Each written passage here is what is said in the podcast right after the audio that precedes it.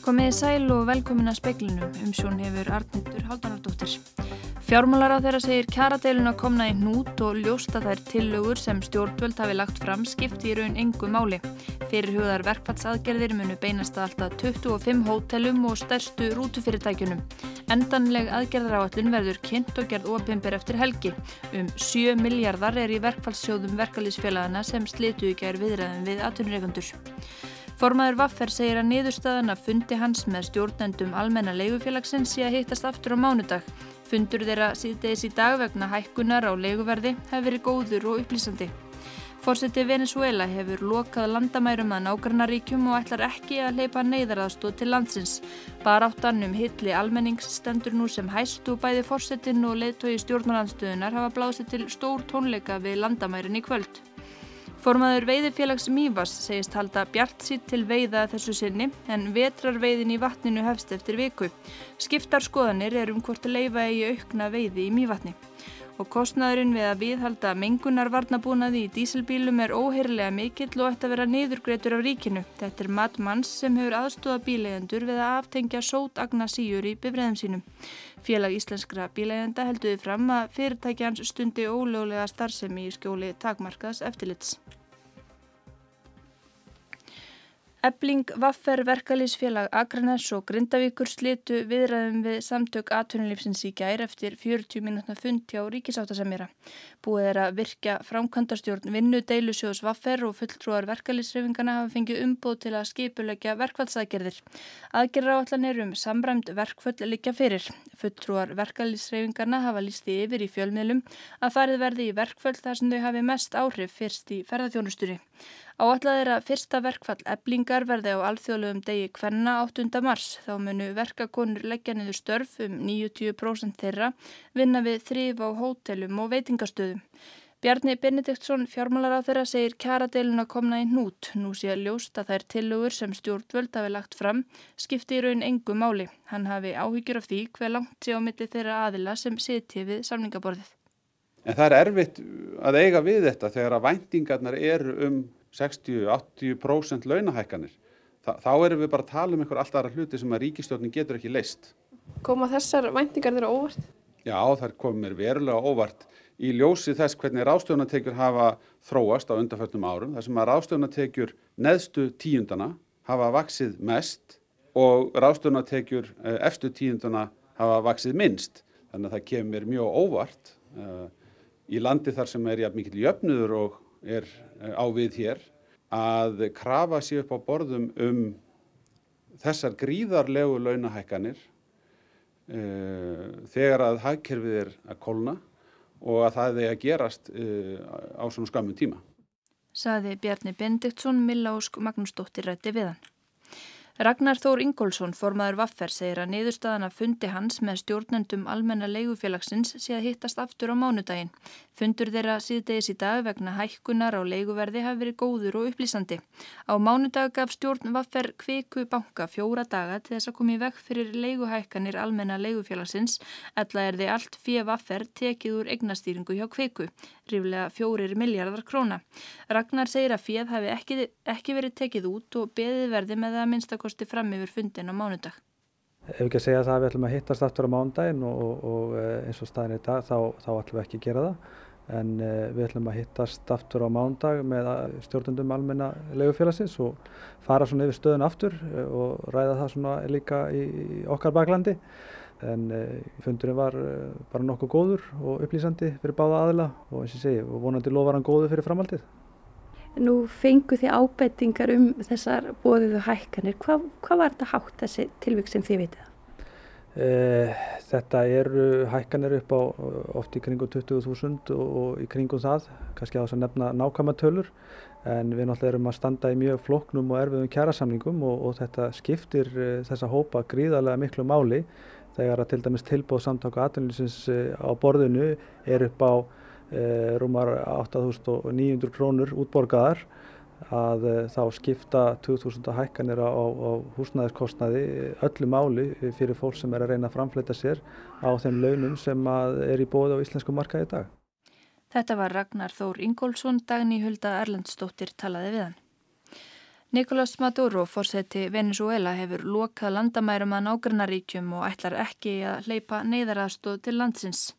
Baráttan um hilli almennings stendur nú sem hæst og bæði fórsetin og leðtói stjórnarandstöðunar hafa blásið til stór tónleika við landamærin í kvöld.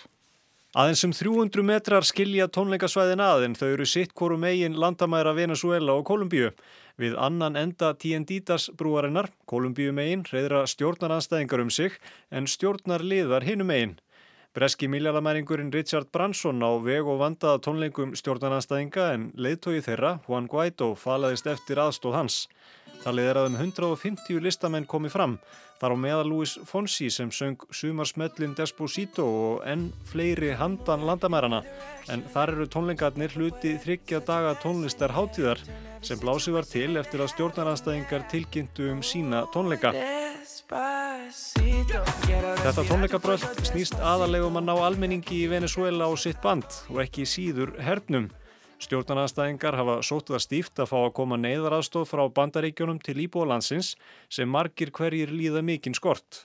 Nicolás Maduro, fórseti Venezuela, vill ekki hleypa neyðaraðstóðin í landið. Hann segir bandaríkjumenn stefnað því að koma þannig vopnum inn fyrir landamærin.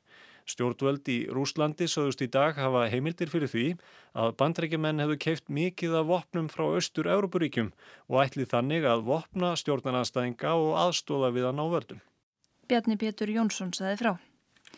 Ólafur Ísleifsson og Karl Gauti Hjaldarsson gengu í dag í miðflokkin sem kunnugt er voru þeir reknir úr flokki fólksins eftir að klausturmálið komst í hámæli í lók november.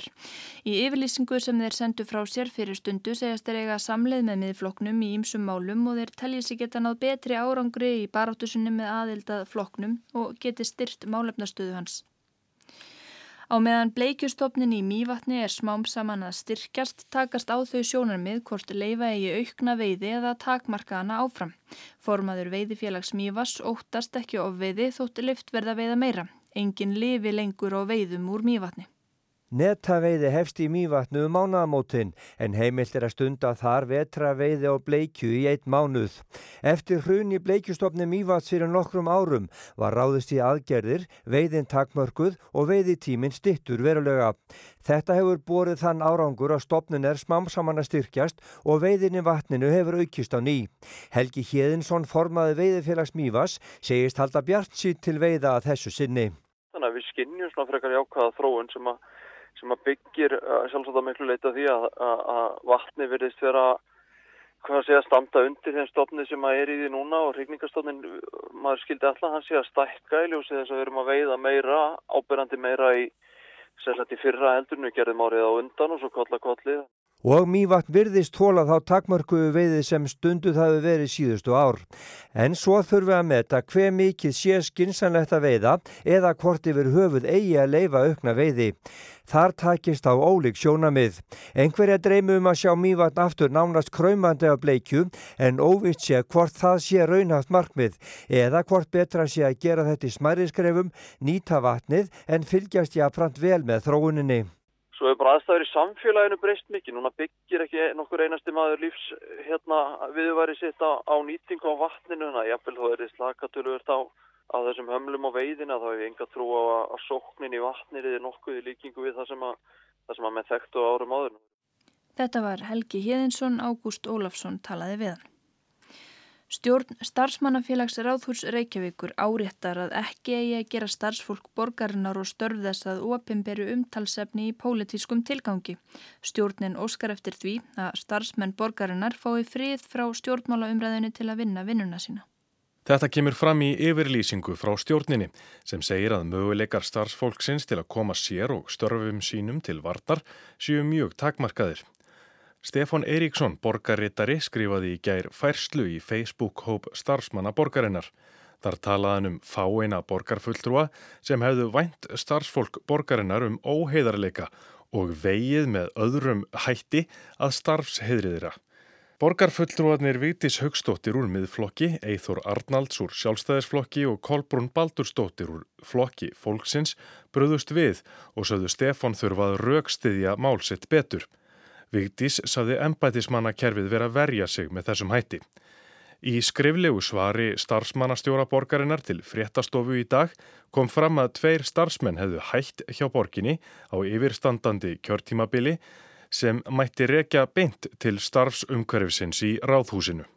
Birgir Þór Harðarsson saði frá. Hinn 22 gamli Niklas Beckström hefur verið dæmdur í fjögur á hálsásfangelsi í Svíþjóð fyrir að stela krúnudjásnum í júli í fyrra. Honum tókst að nema tvær kórónur og ríkisepli frá 1611 og brott úr domkirkjunni í Strengnesum hábjartan dag. Beckström kom svo undan með góssið á vélbáti.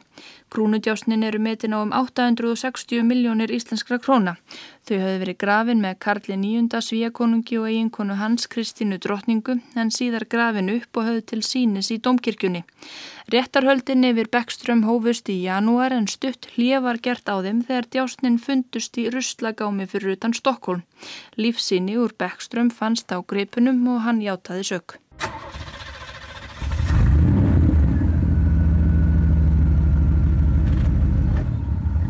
Kostnaðurinn við að viðhalda mengunarvarnabúnaði í dísilbílum er óheirilega mikill, ósangjarn og ætti að vera niðurgreitur af ríkinu. Þetta er mat Gísla Rúnas Kristinssonar eigenda bílaforritunar EHF, fyrirtækir sem hefur aðstóðað fjölmarka dísilbílægjandur við að aftengja sótagnasýjur og annan mengunarvarnabúnaði í bifriðum sínum. Félag íslenskra bílegenda heldur því fram að fyrirtæki gísla og önnur svipuð stundi ólöglega starfsemi í skjóli takmarkaðs eftirlits. Forsvarsmenn fyrirtækina vísaði á bug, þau aftengi nefnilega bara mengunuvarna búna bílana, aðrir sjáum að fjarlægan. Síðastlið sumar byrtist grein í FIB-blaðinu með fyrirsögninni ólöglegar vélabreitingar á kostnað umhverfisins. Þar var fjallað um tvö fyrirtæki, Bílaforritun EHF og Kraftkort EHF. Bæði sérhefa þau sig í því að endur forrita vélatölfur bíla í þeim tilgangi að auka afl þeirra og minka eðslu. Í umfjölluninni segir að fyrirtækin bjóði meðal annars upp á að taka mengunarvarna búnað úr sambandi, svo sem EGR-vendla, AdBlue hreinsibúnað og sótagnasýjur. Þetta leiði til þess að meira magn heilsuspillandi sóts og mengandi efna berist út í andrumsloftið. Í reglugerðum gerð og búnað aukutækja segir meðal annars að óheimilt sé að fjarlæga búnað sem er til að draga úr útblástursmengun. Skemmist slíkur búnaður eða drægi verulegur virkni hans skuli þegar endur nýjan. Já, það er okkar mat að þetta sé ólulegt.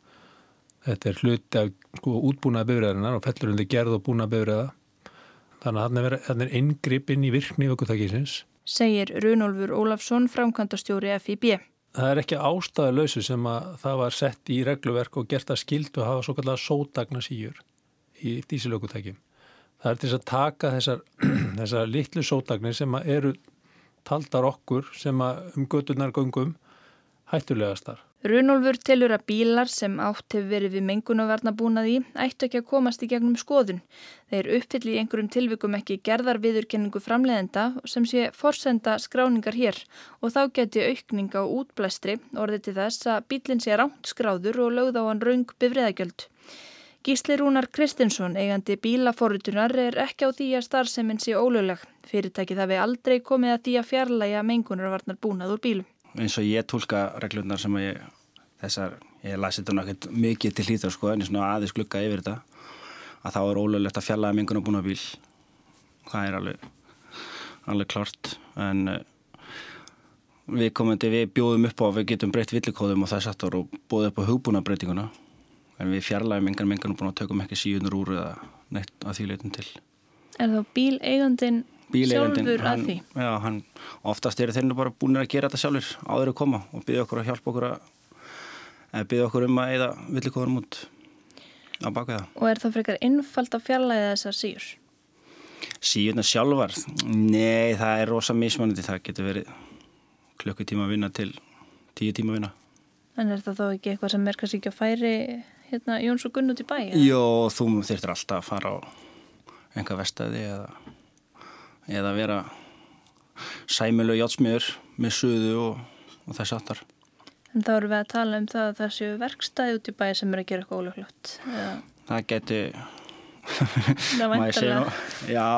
Þrátt fyrir að fjarlægi ekki búnaðinn er fyrirtæki gíslað auðvelda fólki sem hefur gert vafasamar breytingar á bílsinnum lífið. Er það ekkert á gráu svæði? Það má kannski segja þess að gráðsvæði en ég vil ekki minna það. Ég er búin að tala við mína menn og... Lúfræðinga? Já, meðal annars. En hvað felur það að aftengja mengunarvarna búnað í sér? Gísli segir að það sé tiltölulega innföld og fljótlega aðgerð. Hann uppfærir vélartölvu bílsins með hugbúnaði frá bresku fyrirtæki. Við það hættir bílin að senda villubóð um að mengunarvarna búnaður sé í ólægi. Það sloknar á viðvörnaljósinu í mælaborðinu. Hann fattar alveg ef að síjan er ekki í pústinu eða eitthvað svolítið. Þannig að þetta er svona óminnislíf fyrir bílinn að hann gleymir því að hann var eitthvað tjóma já, já, já, í rauninni. Það er rauninni bara þakkaður niður villikóðun þannig að bílinn, hann viti ekki af þessu sko. Á vef bílaforritunar segir að fyrirtækið hafi forritað 1005 fólksbíla, 51 trukk og 7 rútur. Markmiði með því að forrita bílinn er yfirleitt að auka afl og minka eðslu. Gísli segir vel hægt að ná því markmiði án þess að aftengja mengunarvarnabúnað en það sé það alls ekki alltaf gert. Hann ráði fólki frá því þegar að búnaðurum virkar. Hann segir að fyrirtækið sem hann kaupir uppfæslunar af sé með umhverfisvottun. Í Breitlandi fái bílegundur sem skipta við fyrirtækið afslátt á bifræðagjöldum og tryggingum. Sót agna síutnar geta þó að svo gísla verið erfiðar viðfangs. Það er eigiða til að bila eða stíplast. Auðvitað er þessi búnar allur notaður til þess að virka og og þegar í lægi þá er þetta fýtt búnar en við búum bara á Íslandi og veður fara okkur í Íslandi. Þetta virkar ekki vel sérstaklega stutt af vegalendir og menn er að lendi í vesinni. Og eins og ég vil meina sko allt þetta mál að að, að hérna, kostnaðurinn á bakvið þennan mengunabúnað er óheyrilegur og er eiginlega bara ósangjarn og, og verðlagningin og álagning og tollar og allt þetta, auðvitað ætti FIB að beita sér freka fyrir því að, að ríki niðugreiði mengunabúnað og þannig að sé raunni raunheft fyrir eðlilega fjölskyldur og eðlilegt fólk að standa kostnað af að því að auðvitað vilja allir vera grænir og, og halda sinni við en, en þú flestar íslenska fjölskyldur geta ekki tekið á sig 600-700.000 krónar skell og það er ekkert að bílnum í rauninni sko. Er það það sem kostar ef þessi síja bílar? Í ákveðni bílum, en algengt verða svona síju er 250.000 sem er bara freka mikið en þessi síja er náttúrulega hún er dýri framlegslu, það er alveg rétt þetta eru hágæða málmar sem eru notað í þessa síu að, og það verða efnakvörf sem að brjóta niður sem að brjóta niður sótið og, og þess að það var og, og binda sótið og, og svo er sótið rauninni brent út sko með því að en all, allir þessu mengunabúna þarf orku til að vinna og þessu orka er tekið um bara elsnendinu, bílarnir eigða bara miklu meira. Og þess vegna er oft menn tala um að þú veist, menn losa sig við svona mengunabúna bílu og eðslan bara hrið fellur. En þú veist, ég skil að mínum að þetta ætti ríkið að koma að niðugrislega að þessu, þú veist, það er mitt personlegt álit Runolfur segir að það geti vel verið að hægt sé að spara eldsneiti eða auka kraft aukutækja með því að fjarlæga mengunarvarnabúnað. Þá geti þessi búnaður bilað eins og annar og viðgerðir geti verið dýrar. Sem dæmi þessar sótagnasíður og sérstaklega fyrstu kynnslöðunar voru þess aðlis að í rauninni hefði aldrei átt að vera að selja fólki sem engungu var að aka um í þjettbíli, dísilbíla með svona sótagnasíðum að því að eh, hluta virkninni fælst í því að þegar þú ferði í langakstur til dæmis kerir hérna gerir út á þjóðvegi að þá, þá fer í ganga ákveði ferli eftir að búa að vera að sapna ákveði hluta þessum sótögnum og það, það er unni fer, verður ákveðin ofurhiti sem að brennir þessum sótögnum við þessar aðstæður. Ef þú er bara að keira á, á hérna, jafnveg lágunsnúning og litlum hraða í þjettbíli þá, þá getur þetta sapnast fyrir og þá þarf við að fara í einhverja aðgerð að heimsækja viðkvæmandi bílaumbo til að láta brenna þessu út úr vélinni en það er bara liggur fyrir að á móti kemur og það er verið að losa út í andrumslótti mun herra hlutfall af til dæmis kopninu efnisóksíðum og síðan ef við verið að eiga við sótsíðuna þá er líka verið að henda út í andrumslótti mun herra hlutfalli af sótögnum. Þetta snúist um siðferði og alþjóðlegar skuldbindingar sem Ísland get ekki skotið sér undan.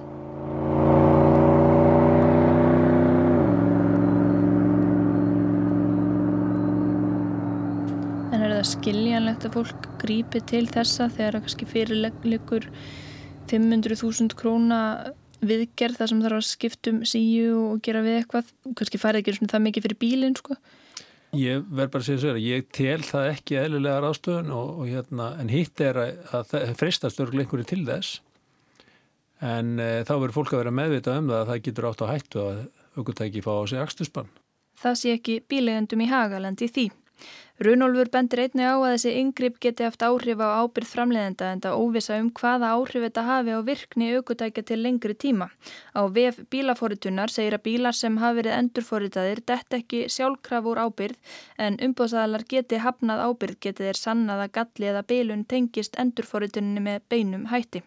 Jón Trösti Ólafsson, framkvæmdastjóri Ösku, segir í svari við fyrirspunt speilsins að þessi yngripp séu ekki í samræmi við reglur og stuðlað aukinni mengun. Hann segir ekki eftir að fullir það um hvort framleiðendur ábyrgist bíla sem átt hefur verið við mengunavarna búnað í. Slík mál er þau sennilega skoðið í hverju tilfelli fyrir sig. En ef þetta er ólöglegt, hvers vegna komast bílar með óvirkum mengunavarna búnaði þá í gegnum skoðun?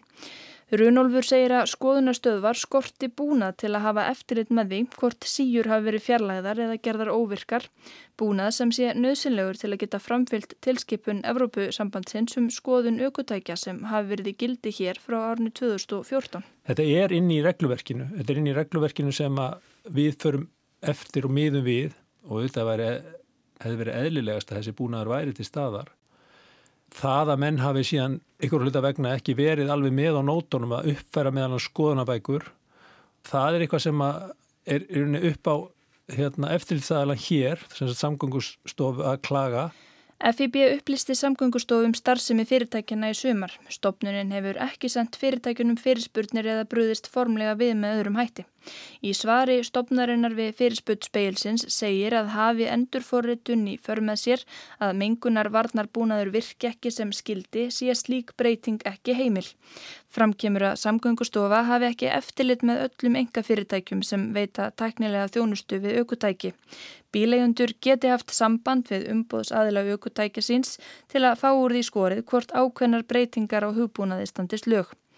Samgöngustofa vinnur að sögn Tórildar Elinar Elinadóttur samskiptastjórastofnarinnar að því að uppfæra reglugerðum skoðun aukutækja þannig að hún sé í samræmi við Európutilskipununa frá 2014. Samhliða þeirri vinnu er að hennasök verið að uppfæra skoðunar handbók skoðunarstöðva. Tilskipunin gerir ráð fyrir því að stöðvarnar noti svo kallan OBD-búnað On-Board Diagnostics en með honum er hægt að nálgast stafrænar upplýsingar úr tölvu bílsins, svo sem um hversu mikið hann mengar, hversu mikið hann er keirður og hugsanlega hvort átt hafi verið við búnaðans. Unnið síðan nánari útfæsla á því hvernig slíkur skoðunar búnaður verði notaður. Stemtir að því að þessari vinnu ljúki einan nokkura mánada. Runolfur segir fyrirtækin aðstóða bílegundur við að gera eitthvað sem sé á skjön við regluverkið og reyða sig á gloppur í eftirliti. Þau get ekki fyrt sig ábyrð. Þetta er svipað og menn telli að það sé ekki ólulegt að breyta kílometrastöða því það er ekki verið að taka neitt út úr bílunum. Há segir hann að í framtíðinni þegar að upplugri búnaður verði komin í gagnið standi eigundur bíla sem að hafa verið endur foritaðir í þeim tilgangi að aftengja mengunarvarnir, kannski frammi fyrir því að fá aksturpan á bílinn þegar þeir fara með hann í skoðun og kannski kaupa þeir bílinn notaðan að þess að hugmyndum að átt hafi verið við búnað í honum. Hefur gíslið hjá bílaforitun velti fyrir sér hvort þetta getur orðið áhyggjöfni fyrir skjólstæðinga hans?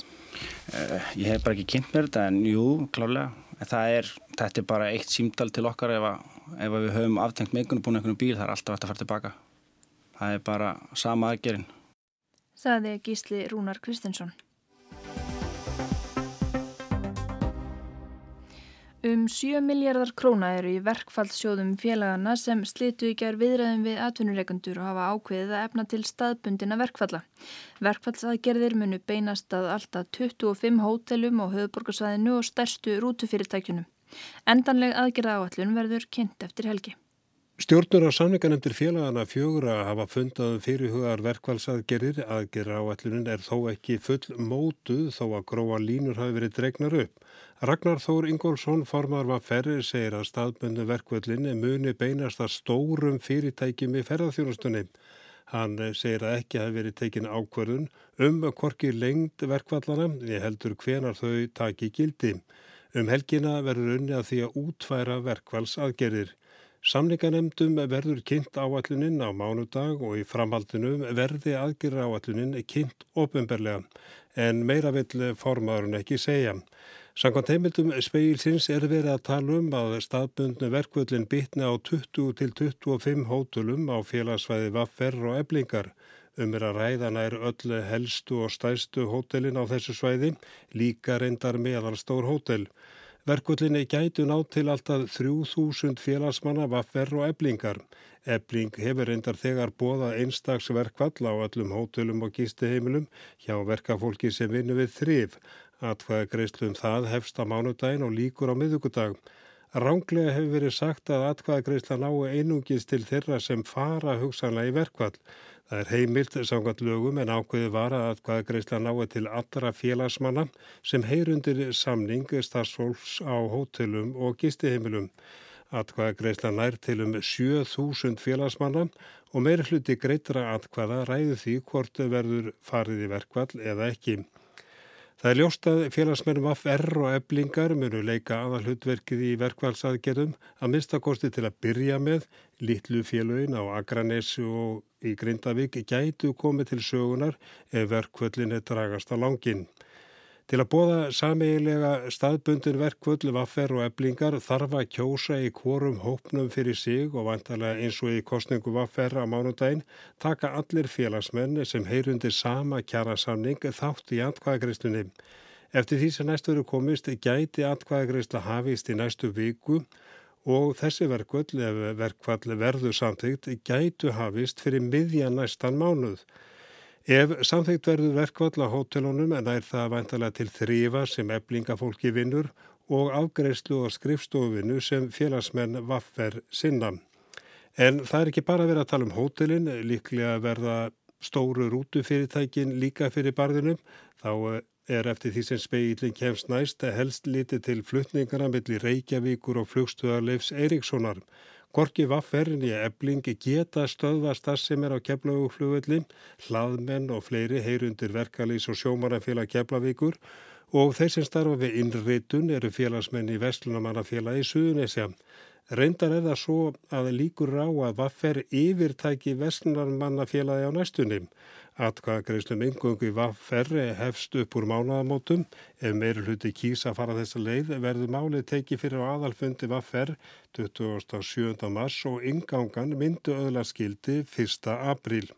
Það hefur komið fram að félögum fjögur munu standa sameilega verkvælsaðgerðanum þó að það muni mest mæða á félagsmönum Vaffer og eblingar muni öll félögum greið og sínu verkvælsjóðum hlutvarslega meða við stærð félagana og það hefur líka komið fram að þeir sem fara í verkvall munu halda fullum launum.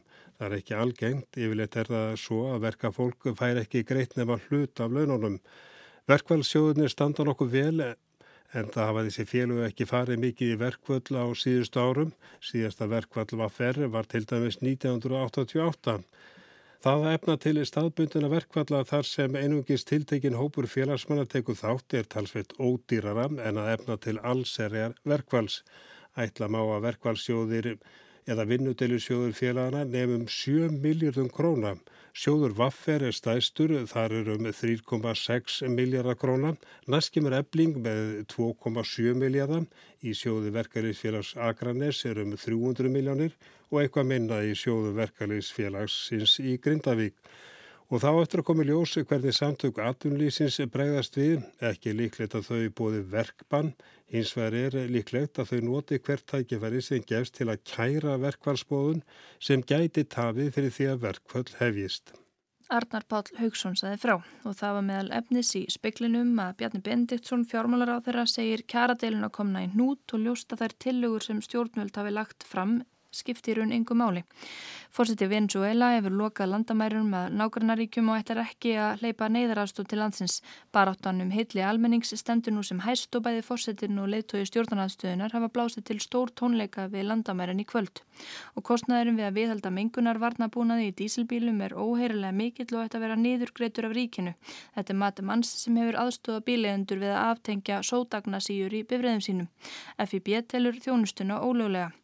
Veðurhorfur á landinu til miðnættis annað kvöld, sunnan og suðvestan 15 til 25, kvassast vestast og skúrir, suðaustan 13 til 20 miðnætti og rigning, talsverð á suðaustanverðu landinu og einni suðvestan til í fyrramálið. Suðvestan 18 til 28 og snarpar kviður við fjöll með jæljagangi eftir hádegi, hiti 3 til 10 steg en kólunar á morgun. Það er ekki fleira í speklinum í kvöld, Magnús Þorsteit Magnússon sendi út, verið sæl og góða helgi.